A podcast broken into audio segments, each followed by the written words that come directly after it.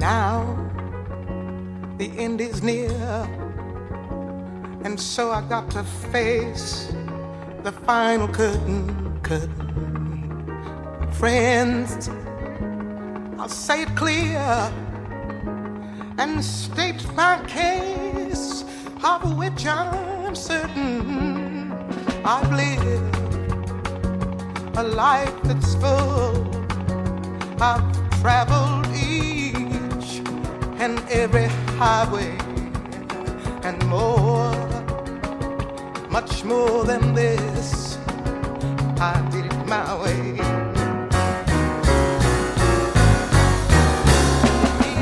Yes, regrets. I've had a few, but then again, too few to mention. I did what I had to and saw it through without exemption. I planned each charted course, each careful footstep along the byway. Oh. Saludos a todos. Arrancamos este programa que nos acompaña cada 15 días, los viernes, en el que tenemos como anfitrión a Francesco Gianelli. Bienvenido un viernes más. Hola, buenos días. Y hoy tengo que decir que, mm, incluyéndote a ti, tenemos a cuatro militares en esta mesa de Pontevedra Viva Radio. Cuatro, tres de ellos. Inactivo Eh, e uno ormai. Pero escuchaba yo hace poquito que eso se lleva siempre. Ah, sí, no, no, no, eh, indudablemente. También la presencia de los colegas aquí, eh, debido precisamente a eso, porque eh, la memoria siempre te va al pasado. Eh, mm, yo tuve un pasado militar y ahora, cogiendo la ocasión de un proyecto un poco común, eh, suyo, es nuestro, eh, preferí eh, con mucho gusto dar precedencia a los militares porque tengo mucho que decir en este asunto. Pues eh, vamos a presentarlo si te parece. Eh, Pablo Ponce de León, estos de los apellidos de estos que pesan en la historia, ¿no, comandante? Sí, buenos días. Son apellidos que, que heredo, o sea que yo lo único que tengo que hacer es dignificarlo. Igual que hicieron mis antepasados, pues tendremos que seguir saliendo. Eh, comandante en la base militar de Figueirido, en la el cuartel general de la base General Morillo estoy. Eh, William Iglesias, cabo primero, bienvenido también. Buenos días. Y Rubén Paul, sargento primero, bienvenido también. Buenos días. Francesco, eh, ¿cuál fue Eh, la idea por la que dijiste hoy toca? La, la idea, la idea eh, fue que ya tuvimos hace poco un eh, primer approach con, la, con el general Murillo, la base general Murillo, eh, porque es- está una inquietud en, en la- en el aire, en el aire, pero no como ejército del aire. Está una inquietud en, el aire porque estamos mirando que al di là della professione che quasi nadie conosce la professione de militare e è lo che hagono nella base General Murillo che muchas veces somos un poco más semplificativo en decir, ah sí, a un militare stanno ahí, corrono, no, no es verdad nada, no. Los militares non corrono perché chiedono correre, los militares tengono una vida muy dura, muy dura, tengono mucho de ejercitación también porque tengono que estar siempre con, no solo con la mente despejada, pero con el físico también preparado. Pero son todos profesionales. Aquí estamos hablando de profesionales de todo, que están en el ejército, profesionales de todo tipo. Profesionales de comunicaciones, profesionales mecánicos, profesionales constructores, que son zapateros, ¿no? Come los Zapadores, zapadores, zapadores, sí, le sí. chiamate vosotros. Eh, son tan de profesionales. Y, aparte de eso, eh, ahora va al asunto que a mí más me atar, tienen la cocina, son profesionales de cocina. Y en mi discurso en mi pensamiento fue, ¿por qué? Porque muchas veces ellos, no muchas veces, eh, por obligaciones de ley, que a 45 años ellos tengono que acabar en la carrera militar. Y un, eh, un profesional a 45 años es joven, es vivo, y puede aportar aún más a la sociedad y aportar mucho conocimiento que a veces nosotros mismos no tenemos. Y yo eh, recientemente estuve ahí mirando la base General Murillo, estuve a la dependencia, estuve en la cocina y hablé con el cabo Iglesias, eh, yo te llamo cabo. Sí, sí, no, hay problema, no hay problema. Hablé con el señor Iglesias, que es responsable de la cocina, estábamos hablando. Es una trabajo ardua y absolutamente pesada y tiene que tener mucho conocimiento, mucha gana, mucha constancia y tiene que ser un buen profesional para hacer todo esto. Por eso, por eso la mia inquietudine partiva da ahí. ¿Por qué no dar posibilidad a un militar que aún es joven, está en el pieno de la juventud aún? ¿Por qué no da esa posibilidad de transmitir este conocimiento técnico que tiene a la sociedad de Pontevedra? Yo mm, tengo que decir que mm, ahora mismo acabo de tener ese dato, con 45 años ya hay que...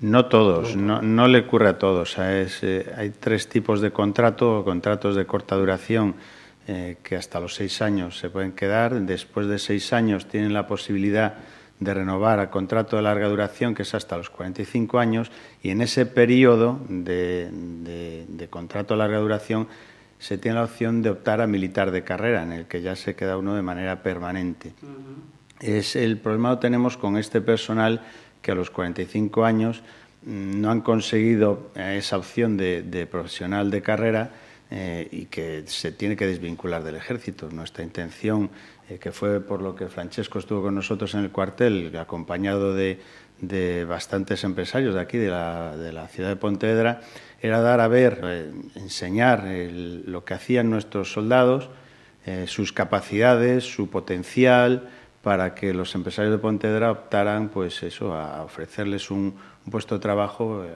al, desvincularse del ejército. Esa fue nuestra intención. Ajá. Eh, ¿Tenéis eh, datos de ese porcentaje de reincorporación a otras actividades una vez que...? Por ahora es mínimo. Sí que hemos tenido desvinculaciones ya, pero, pero claro, esta gente ahora mismo está, que yo conozco a algunos, pues buscando trabajo. Eh, les queda una pequeña pensión, pero no es suficiente. En este caso, eh, la idea es que tengan mm, es una responsabilidad moral que tenemos con ellos, personal que ha estado con nosotros eh, codo con codo en situaciones extremas, hablo de, misiones internacionales, y tenemos una responsabilidad moral con ellos, de manera que, que, de alguna manera, en estos momentos en el que ellos se desvinculan, pues el tener la posibilidad de, o el ofrecerles o el, echarles una mano para, para, para, obtener un puesto de trabajo digno. Eh, William, eh, en tu caso, mm, lo que decía Francesco, es el responsable de, cocina, ¿no? Sí, bueno, tengo varios compañeros, pero uno de los responsables, sí. Eh, explícanos, ¿qué significa eso? ¿Qué es lo que tienes que hacer en tu día a día? en mi día a día, elaborar los alimentos que nos suministra el sargento primero, y prepararlo para la alimentación de la gente. Mira, además, eh, el día que estuve, estuve en, la cocina de campo, como la llaman ellos, que son dos contenedores, que yo quedé alucinado en mí mismo, decía, oh, magari tenese una cocina yo así, porque impecable en todos los aspectos, ya come, come, eh, come formata la cocina en sí mismo, por el material que utilizan, por la limpieza absoluta, una cocina impulita, proprio impulita, perfecta. Y estábamos hablando y me dice, no, por aquí nosotros hacemos 800 pastas diarios. Y la cifra es abrumadora. 800. 800 pastas diarias, que eran cuatro personas trabajando, dando pasto, pero 800 personas. Y ahí, ahí viene todo esto, porque yo soy ex militar vengo de la cocina también. Ya sabía eh, lo que significaba dar de comer a militares, cosas. También he venido de base más pequeña porque estaba en barco más pequeño. Pero preparar todo eso, eso tinglado, eh, con el capo Paul que tiene que ser el responsable de la compra, que tiene que hacer aprovisionamiento, eh, eh, Williams que tiene que estar ahí, que son cuatro, es verdad, pero cada uno es responsable de una partida, tiene que dar de comer a 800 personas que no quieren escuchar en ningún motivo, oye, vamos a comer 10 minutos más tarde porque hice tarde, oye, mira, hoy no te puedo dar la patata porque me se quemó. Ahí tiene que ser todo perfectamente coordinado y todo en tiempo. Sí, milimétrico. Es- sí, 4 para milimétrico. 800. Sí. Bueno, después hay gente que nos ayuda por detrás, otros cuatro, pero realmente los que elaboramos todo, más o menos cuatro, sí. Tampoco hay mucho espacio para mucho más, pero, pero realmente sí. ¿Y, y cómo se organiza? ¿Uno esto ya comienza a las 7 de la mañana, 6 de la mañana? ¿Con Claro, esto? claro. ¿Cómo va? Cuéntanos, Ya por empezamos, favor. empezamos con el desayuno a primera hora, a- nos viene todos los alimentos y nosotros ya vamos coordinando todo para que salga la comida, el desayuno, la comida y la cena. Eh, mm, Me refiero, vosotros empezáis ya entonces, ¿a qué hora? Eh, sobre las 6 de la mañana, 6 de la mañana con desayunos. con desayunos, claro. Para la comida... Tiene que estar listo el desayuno y después para la comida, Y nada más después- terminar el desayuno ya hay que empezar Empieza, con la después comida. se van repartiendo los cargos. Uno se interesa solo de la ve- verdura, uno se va Ajá. interesando de la carne. Eh, no, eh, son todas secciones repartidas. eh, Cada Y uno mucha coordinación, hay que coordinarse y, y claro. Eh, y Perdón, sí, sí. No, claro, y con el tiempo pues ya pues la cosa ya va más, más suelta, se lleva mejor, pero claro. Hay que coordinarse, sí. Me decías que eh, el sargento El Polo primero, Rubén Polo. Sargento primero, sí. es el que se encarga de, de la- de las provisiones ¿no? de los alimentos. Exactamente. Y eh, vosotros, en vuestro caso, eh, todos esos eh, productos se adquieren aquí, en Pontevedra. Con esta pregunta quiero insistir no, una vez no, más no. en el impacto económico Y, que y supone. yo de eso quería hablar eh, también, por eso eh, es un movimiento mío de, de, de dar, eh, de visualizar un poco de cosas. El impacto de la Brilata en Pontevedra es muy importante porque mueve muchísimas personas alrededor de Pontevedra. Y cuando yo a veces escucho el discurso, eso sí, eh, no, no, esto fuera, esto dentro, y yo digo siempre, oye, Pensamos bien que vamos diciendo, porque está muchísima, no es solo los militares que están ahí, están todos alrededor, la familia que vive de eso, son muchísima gente.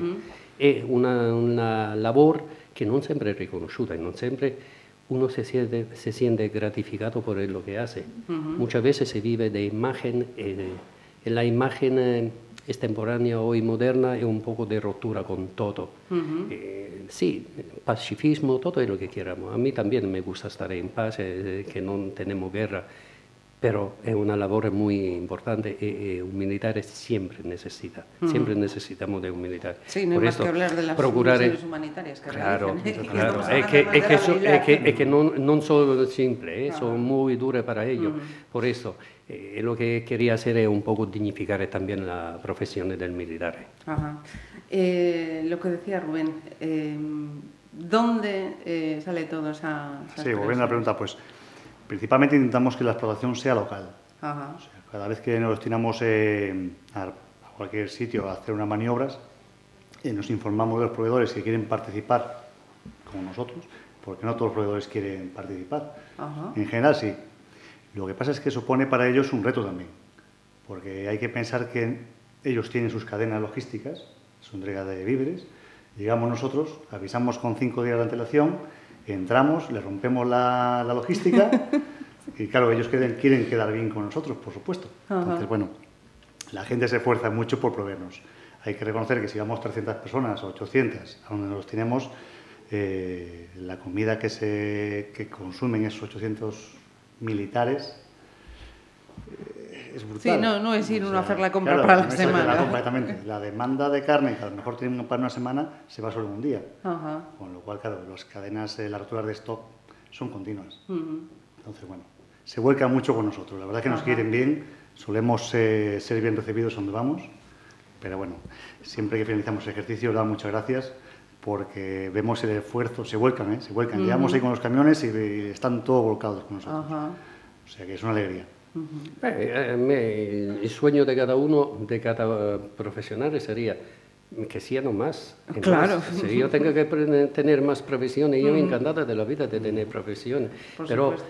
cuando ya tiene esa, esa conciencia que todo el trabajo, el esfuerzo que tú haces para hacer provisiones y tiene una contrapartida que sabe que te la van a, pre- a, a coger, te la van a, a, a- a A solicitar. vaciar, que te van a vaciar esta mercancía que tú vayas a provisionar, encantado de la vida, bienvenido sea, no un cuartel, que pongan otro cuartel. Sí, sí, Eh, no, eh, aquí no hay cuestiones, mm, a veces se habla un poco tanto para hablar, no hay cuestiones de, de venta que es muy importante porque está, deja muchísimo dinero en la comarca de Pontevedra un militar, muchísimo, porque no es solo la compra que te puede hacer, el transporte, todo, todo alquiler, Vivienda. vivienda, de todo esto.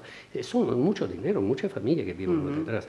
Exhortando que aquí se está hablando de poder buscar una vida, eh, al dirá de la mm, carrera militar de cada uno, una alternativa laboral. Porque yo de verdad lo digo, y lo digo con corazón en la mano, son de, de ottimi profesionales. Yo mirando cómo trabajan, cómo no trabajan, la cosa, claro, yo soy el primero que me ofrezco cuando eh, tengo una disposición un cocinero, bienvenido sea. ¿Quiere venir en mi restaurante?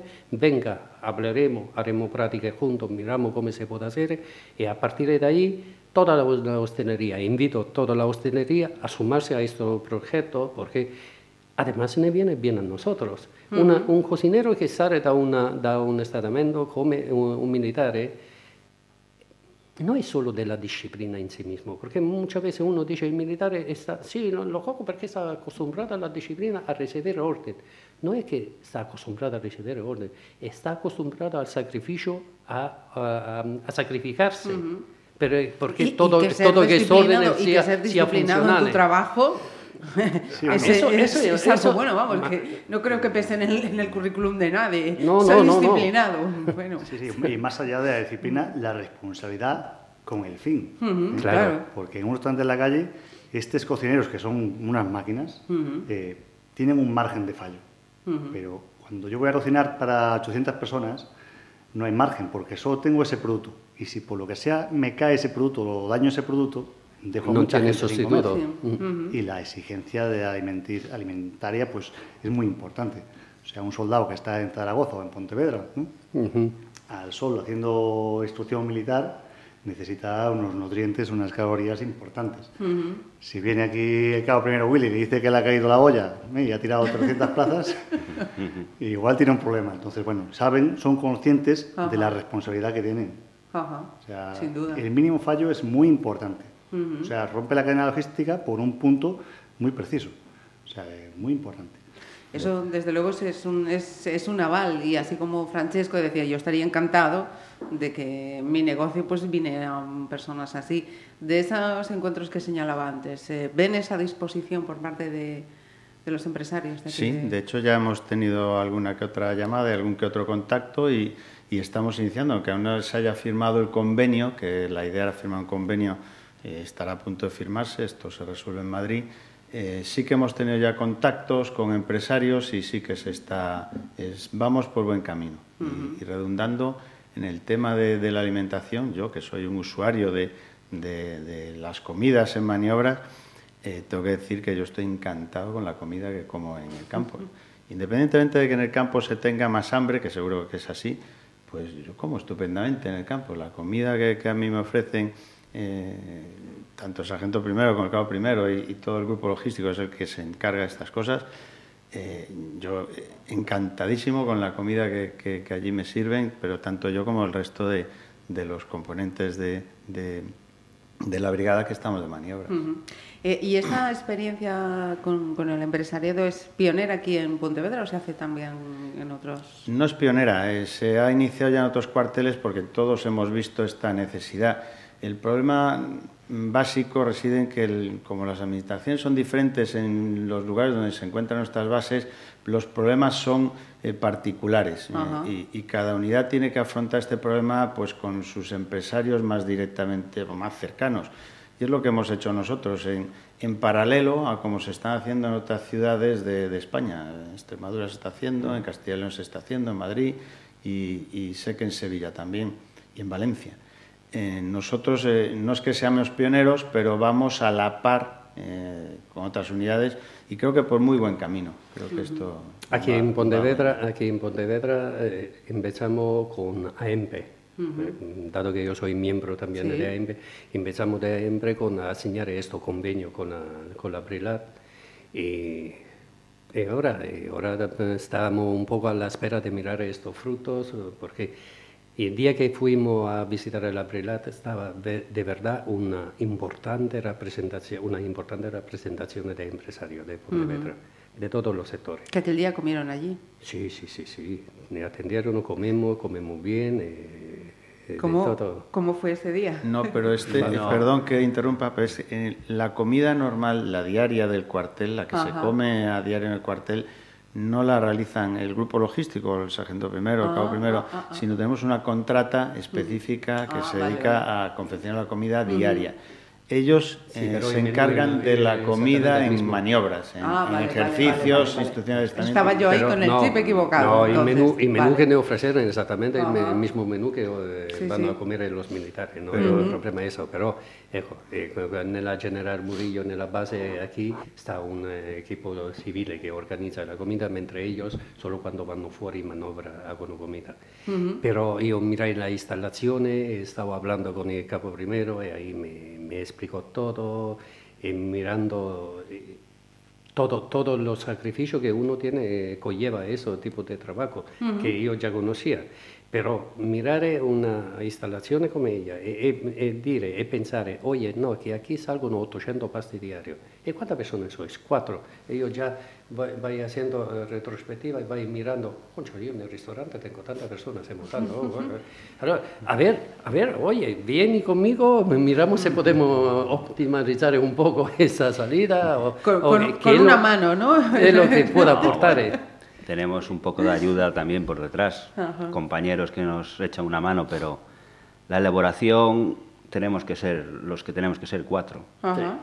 porque tampoco tenemos mucho espacio para, para ello. Para entonces, moverse, claro, no. entonces No, pero el, Pero- el hecho de 800 personas, 4 personas o 8 personas eh, queda en pura anécdota. Y, y lo que yo quiero resaltar es la profesionalidad, la profesionalidad que se tiene en, la, nella- in esta professione che, de militares que no son solo militares. La gente, eh, hago otra vez un apelo, cuando miráis a un militar, no mirate soltanto la apariencia de militar, mirate que detrás de esta, de- de esta ¿cómo se llama? Divisa, que yo la llamo divisa. divisa, sí. Sí, es- detrás de la divisa está un profesional. Es esto que me interesa a mí, eh, que la gente empieza a mirar a los profesionales, porque no es solo cocinero. Hoy estamos hablando de cocinero porque están, eh, es lo que más me ataja a mí, el cocinero, pero están de todo. Ahí se puede teñir de todo la gente. Están profesionales de la comunicación, electricistas, mecánicos, conductores, está de todo. Por eso, eh, alguien que tiene un interés per la sua puede pensar distintamente, porque a veces tenemos, todos nos quejamos, "Ay, tenemos problemas de mano de obra. Bien, sabéis dónde está la mano de obra. Ahí. Pues yo sigo dándole vueltas a eso de cocinar para 800 personas. eh, Lo Vamos. de, lo de cocinar para 800 personas eh, es por el límite de la cocina, pero am, puede ser que vayamos de maniobras 1500. O sea que no solamente hay una cocina, eh, esto va a, a- a colación por el tema de abastecimiento. El abastecimiento no es para 800, a lo mejor son 1500 o 1800 personas que podemos estar en un momento dado en un campo de maniobras al que hay que abastecer y hay cocinas, esta de 800 es la más grande que tenemos. Tenemos otras más pequeñas, de las que ahora nos puede hablar Iglesias o, o Paul. y, y- hay cocinas más pequeñas que dan de, comer a, a un número más reducido de personal, pero que al final redunda en dar de comer, eh, en algunos casos, a 1.800 personas en, en- durante 15 o, o 10 días que estemos de maniobras. La pregunta la ha hecho el comandante. Sí, respondo un poco al comandante y aprovechando, hicimos aquí la Pilata, eh, ha estado en un ejercicio VJTF eh, recientemente que ha sonado mucho en la prensa, ¿no? Eh, hemos estado con belgas, eh, británicos, bueno.